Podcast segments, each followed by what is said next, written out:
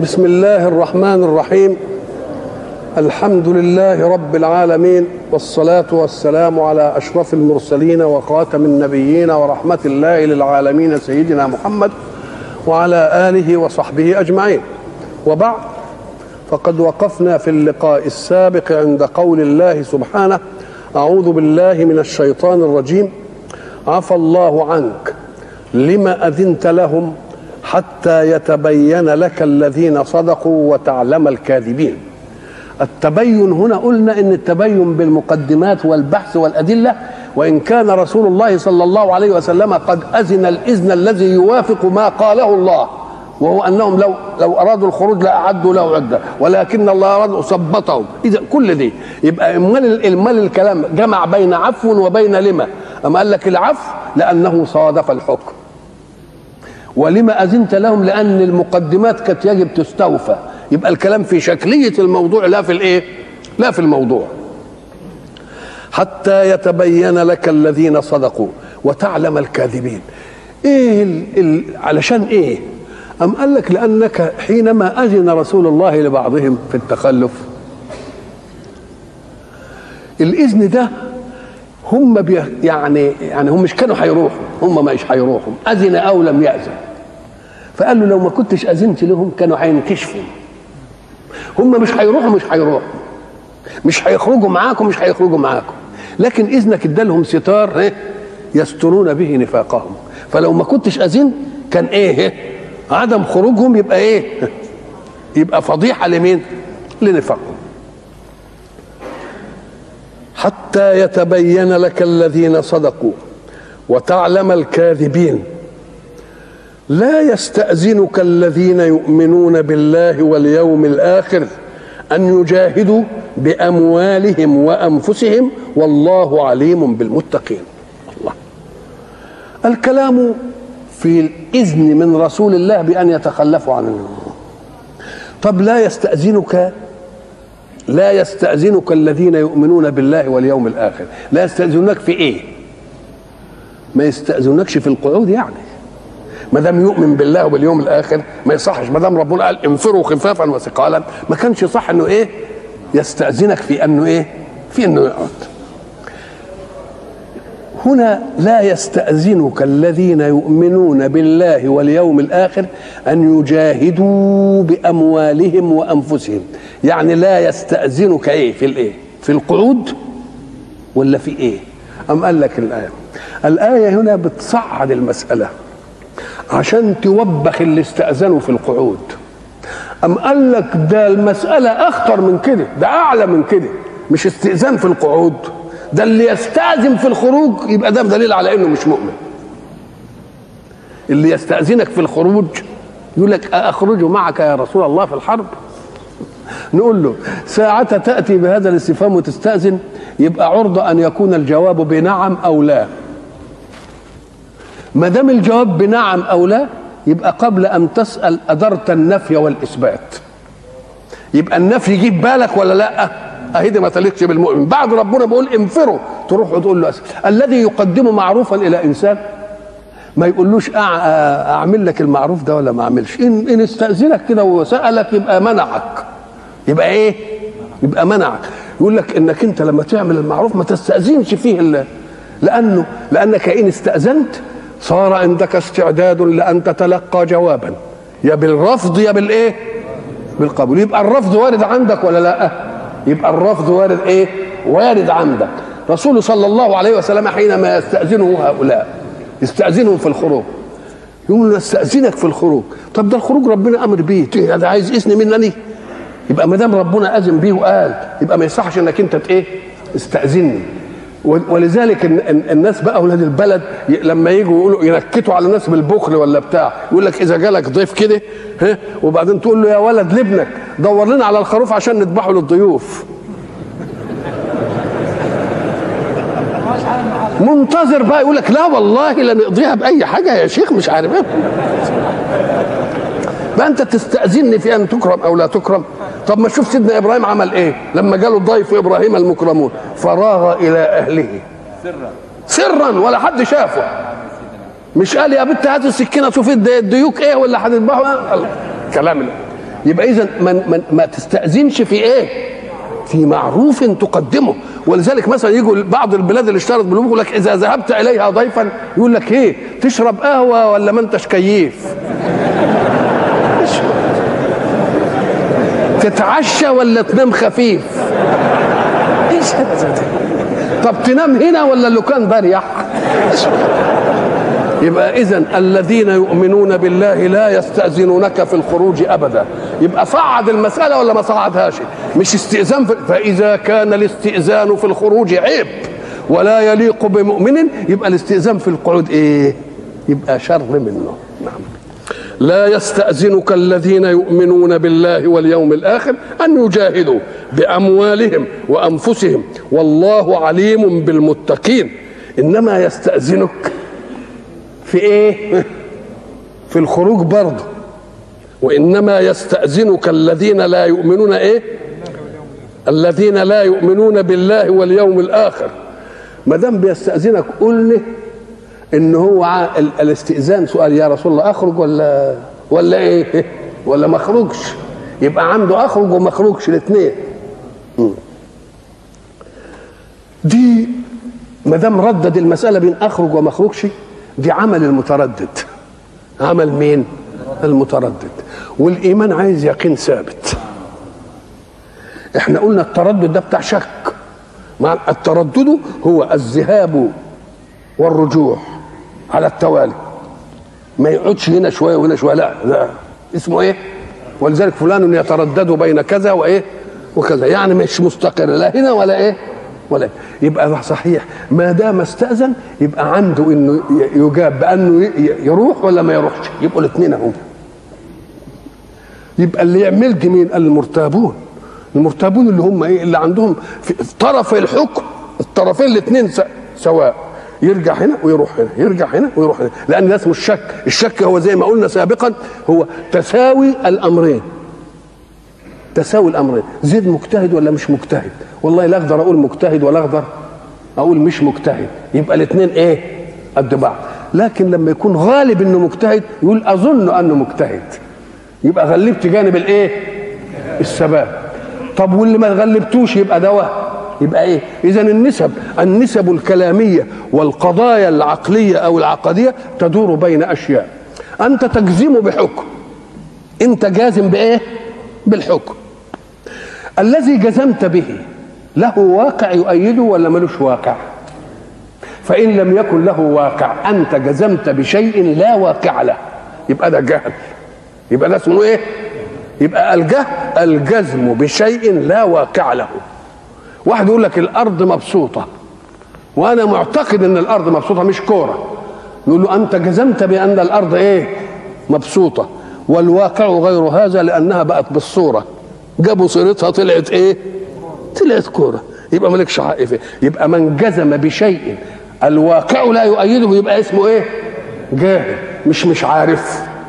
فرق بين الجاهل واللي مش عارف. اللي مش عارف ده يبقى أمش عنده نسبة واحدة. ما عندوش نسبة مخالفة للواقع. إنما الجاهل عنده نسبة إيه؟ مخالفة للواقع. عايز مجهودين فكريين. المجهود الأول إنك تطلع منه الغلط. وتدخل له مين؟ لكن الأمي. ما عندوش حاجة. فأنت بتديله إيه؟ تبقى مرحلة فكرية إقناعية واحدة. يبقى إن جزمت بشيء لا ولا واقع له يبقى ده اسمه إيه؟ جهل. اللي بيتعب الدنيا الأميين ولا الجهلة؟ الجهلة. الأم غلبان بمجرد ما تقول له القضية الفكرية انتهت المسألة إنما الجاهل عمال يعمل إيه؟ يجائر بقى ويعمل. لأنك أنت بدك تنزع منه إيه؟ الباطل وتدخل له الإيه؟ وتدخل له الحق. طيب هذا إذا إذا جزمت بشيء لا واقع له يبقى ده جهل.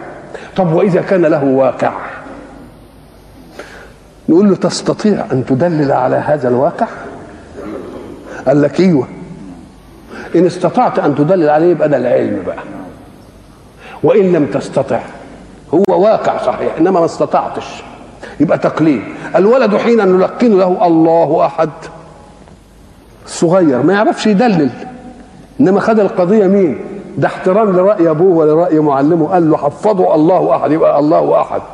الله أحد جزم بها الطفل. وجزم بها والواقع كذلك ولا لأ؟ ولكن أيستطيع الطفل أن يدلل عليها؟ يبقى بيقلد. لحد ما ينضج عقله يبقى يستطيع يعمل إيه؟ فإن دلل يبقى ده العلم. يبقى كم نسبة في المجزوم به إن كان إن لم يكن له واقع فإيه؟ فجع وإن كان له واقع فإن لم يستطع أن يدلل عليه فتقليد. فإن استطاع أن يدلل عليه فعلم. يبقى العلم الجزم بقضية واقعة عليها إيه؟ دليلها. المرتب بقى يعمل إيه؟ أم قال لك ده غير جازم. يبقى الجازم عرفناه. طب وغير الجازم؟ قال لك إن كانوا المسألتين قبل بعض زي بعض ما فيش واحدة راجحة وواحدة مرجوحة يبقى ده الإيه؟ الشك. طب وإن كانت واحدة راجحة؟ الظن. والمرجوح يبقى وهم يبقى غير الجازم كم كم نسبة؟ شك. فظن فوهم. ودك الجازم جهل أو تقليد أو إيه؟ أو علم.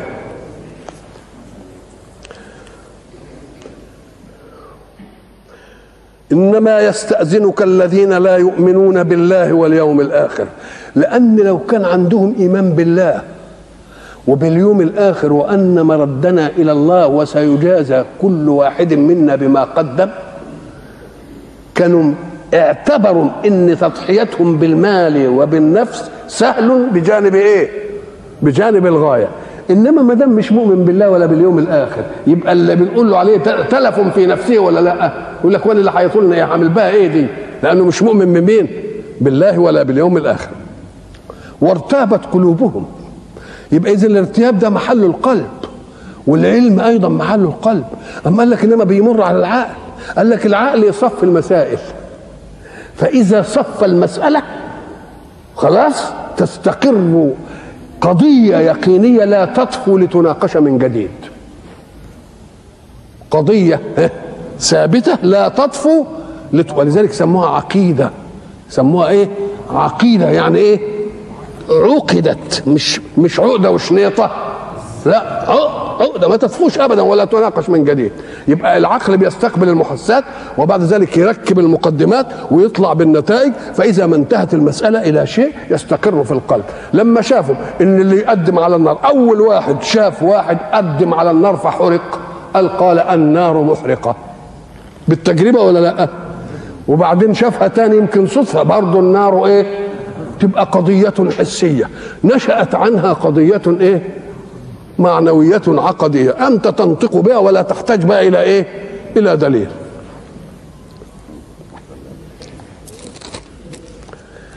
وارتابت قلوبهم. مش هناك ختم الله على قلوبهم القلب محل إيه؟ محل. ال ال ال القضايا التي انتهت من مرحلة التفكير العقل فيه إلى أن أصبحت قضية ثابتة العقل ما يبحثهاش من جديد. نعم. فهم في ريبهم أي في شكهم يترددون. وقلنا إن الشك هو النسبتين إيه؟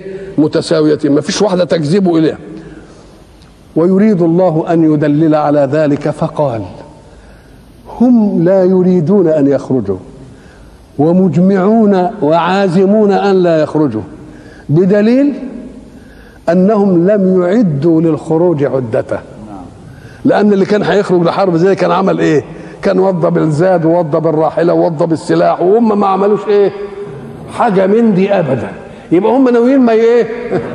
ما يخرج ولو أرادوا الخروج أي للجهاد في سبيل الله بأموالهم وأنفسهم لأعدوا إيه؟ له عدة.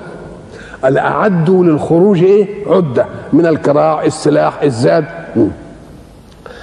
طب أمال إيه؟ هات بقى. ولكن حرف استدراك.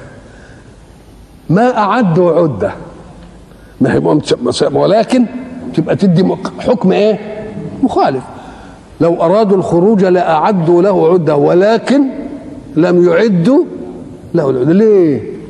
أما قال لك لأن المسألة مش بنت لحظة. ده المسألة دي خميرة مبيتة في انهم ما يطلعوش. ولذلك ما شغلوش نفسهم بمقدمات الإيه؟ الجهاد. طب وما شغلوش نفسهم بمقدمات الجهاد ليه؟ قال لك لأن الله لم يرد أن يخرجوا ولذلك ثبتهم. معنى ثبتهم إيه؟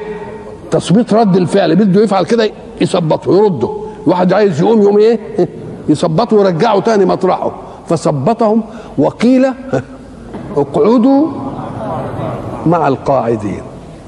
قيل اقعدوا قيل مبنية. مين اللي قال؟ ما دام الله ثبطهم فكأن لهم قال لهم اتلهوا على عينكم ولا انتوش خارجين وهخليها باختيار كنتم. وانتوا اللي تحرنوا. وانتوا اللي ما تعدوش العده وانتوا اللي تعملوا حاجة علشان تنفذوا مين؟ مرادي. مرادي الإرادي. وأنتم باختياركم. ما جتش أقول لكم لا اقعدوا ما تخرجوش. أنا سايب الأمر كده. لكن أنتم اللي هتقولوا إيه؟ مش هنخرج. لو أرادوا الخروج لاعدوا له ولكن كره الله انبعاثهم كره الله انبعاثهم. الانبعاث هو الخروج بنشاط إلى شيء تحبه. الخروج بنشاط إلى شيء إيه؟ تحبه كره الله انبعاثهم. ما دام كره الانبعاث هذا الكرة عملية وجدانية مش نزوعية. فثبطهم أدي النزوعية. يعني أنت ساعة ترى شيئا فيعجبك مثلا أو شيئا تكرهه. دي مواجيد في النفس. الشيء اللي انت انبسطت منه زي زي ما قلنا زمان الورده تشوف ماشي كده في بستان تلاقي وردة جميلة. رؤيتك للوردة عملية إدراكية. عينك أدركت دي. فسررت منها ومن شكلها ومن نعومتها ومن الريحة ومش عارف إيه. دي عملية إيه؟ أنت أدركت فوجدت في نفسك اعجابا بالوردة. لحد هنا كلام كويس. فمددت يدك لتقطفها. واحد قال لك لا ده مش بتاعتك. يبقى فيه إيه؟ إدراك فيه وجدان فيه نزوع. الشرع تدخل فين؟ قال لك ما تشوفش الورده لا شوف. ما تنبسطش منه انبسط على كيفك. بس لما تمد إيدك تقطفها نقول لك لا مش بتاعتك. عايز لك ورده ازرع عليك عندك. ما عنديش حتة. هات لك قصرية كده وايه وحط فيها ورده مش بتاعتك يبقى الشرع بيتدخل في الايه؟ في الأعمال النزوعية. كره الله انبعاثهم عمل إيه؟ ثبطهم زين في نفوسهم انهم ما يطلعوش مع النبي عليه الصلاة والسلام في الايه؟ في الجهل. ليه؟ لحكمة أرادها الحق سبحانه وتعالى فوافقت ما أذن فيه رسول الله في التخلف. ولو أرادوا الخروج لأعدوا له عدة ولكن أي لم يعدوا لأن الله كره انبعاثهم فثبطهم خذلهم وردهم عن الفعل وقيل اقعدوا مع القاعدين. فإن كان التثبيط من الله يبقى كأنه قال لهم اقعدوا بإذن دي بإذن الإرادة. بإذن مين؟ بإذن الإرادة. أو الرسول صلى الله عليه وسلم قال لهم اقعدوا وأذن لهم في التخلف. أو قيل اقعدوا مع القاعدين الشياطين قالت لهم. وإن الشياطين لا لا يوحون إيه؟ إلى أوليائهم. يوحي بعضهم إلى بعض زخرف القول إيه؟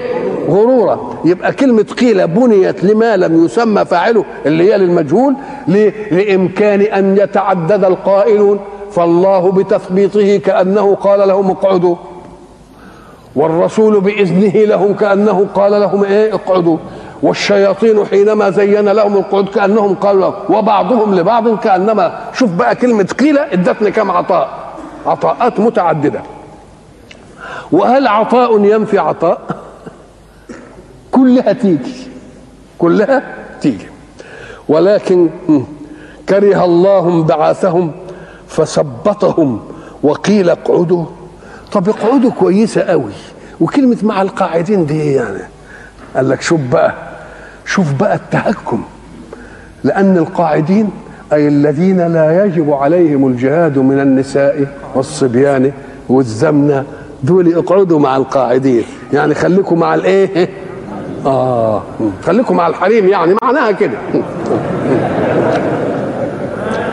ولذلك هناك رضوا بأن يكونوا مع الخوالف. نعم. يعني دي مسألة ما كانش صح لرجولتهم إنها تقبلها. ليه؟ ولذلك الشاعر لما حب يستنفر القبيلة بتاعته ويطلعوا وبعدين ما رأوش قال. وما أدري ولست أخال أدري أقوم آل حصن أم نساء؟ ما مش عارف. هم قوم القوم يطلق على الرجال يعني. وقيل اقعدوا مع القاعدين. ثم بين حكمة التثبيط وحكمة القول بقوله إيه؟ اقعدوا. إزاي؟ قال لك إن كانت من جانب الخير فتثبيط الله لهم حكمة وإذن الرسول لهم حكمة. طيب وإن كانت من المقابل الشياطين وأنفسهم تبقى الشياطين وأنفسهم خدموا القضية الإيمانية في إنهم ما يخرجوش. لأنهم لو خرجوا كانوا يعملوا إيه؟ ما زادوكم إلا خبالا يبقى الاثنين الجانبين الاثنين الشر والإيه؟ والخير. أما الخير فلأن الله ثبته والرسول أذن له. طب والشياطين لما قالوا لهم اقعدوا؟ نقول آه دي خيبة الشيطان برضه. طب ما اقعدوا ديا ولا بعضهم يقول للبعض اقعد. طب ما أنت أعنت على مراد الله. يبقى غباء كفري ولا لا؟ يبقى كفر غبي. لو خرجوا فيكم شوف بقى كلمة لو خرجوا فيكم عادة خرجوا معكم. مش كده ولا لا؟ شوف بقى التعبير القرآني. لو خرجوا فيكم ما زادوكم إلا خبالا ولا أوضعوا خلالكم. آه لأوضعوا خلالكم. خلال الفرج اللي بين الشيء. ما أوضعوا خلالكم يبقى معهم ولا فيهم؟ يبقى فيهم. يبقى ما تنفعش هنا إلا إيه؟ يبقى لما تيجي لحروف الجر تقول مش حروف الجر ينوب بعضها عن بعض زي ما السطحيين يقولوا يقولوا لا ده العدول عن معهم. إلى في؟ لأنه يريد تغلغلا منهم للإفساد. التغلل منهم للإفساد يعمل إيه؟ تدخل بين ده وبين ده يمشوا خلالكم. ولذلك إيه؟ ولا أوضعوا خلالكم. خلالكم يعني في الفرج اللي إيه؟ اللي بينكم. يبقى ده معهم ولا فيهم؟ يبقى فيهم. ساعة ما تسمع كلمة فيهم اعلم أن فيه تغلغل ظرف ومظروف. ولذلك إحنا قلنا هناك في سورة البقرة لأصلبنكم إيه؟ في جذوع النخل. مش كده؟ لأصلبنكم في جذوع النخل. يوم يجي السطحي يقول لأصلبنكم في في بمعنى على وحروف الجر تنوب عن بعضها. نقول له لا يا حبيبي إحنا ما نرتضيش الجواب ده. الجواب ده إن رضينا من من أساليب البشر ما يمكنش نقبله في أساليب الله. ليه؟ لأن معنى في الظرفيه ومعنى على الاستعلاء. تعالى لأصلبنكم على جذوع النخل. هو الأصل كده. فاللي يقول على وفيه ومش عارف نقول له لأ ده لأصلبنكم في جذوع النخل. ما تقولش على جذوع النخل. قل لأصلبنكم على جذوع النخل تصليبا قويا بحيث تدخل أجزاء المصلوب في المصلوب فيه. الله. تعالى هات عود كبريت. حطه في صبعك كده. إن سبته كده هو يبقى على إيه؟ على صبعي. إنما هات بقى أستك. ولفه عليه كده قوي قوي العود الكبريت يعمل إيه؟ يغوص في الأصبع. يبقى مش عليه بل إيه؟ يبقى ده دليل على قوة الإيه؟ يبقى يبقى, يبقى لأصلبنكم في جذوع النخل لا يكفي أن تقول لأصلبنكم على جذوع النخل بل قل لأصلبنكم على جذوع النخل تصليبا قويا بحيث تدخل أجزاء المصلوب في المصلوب فيه.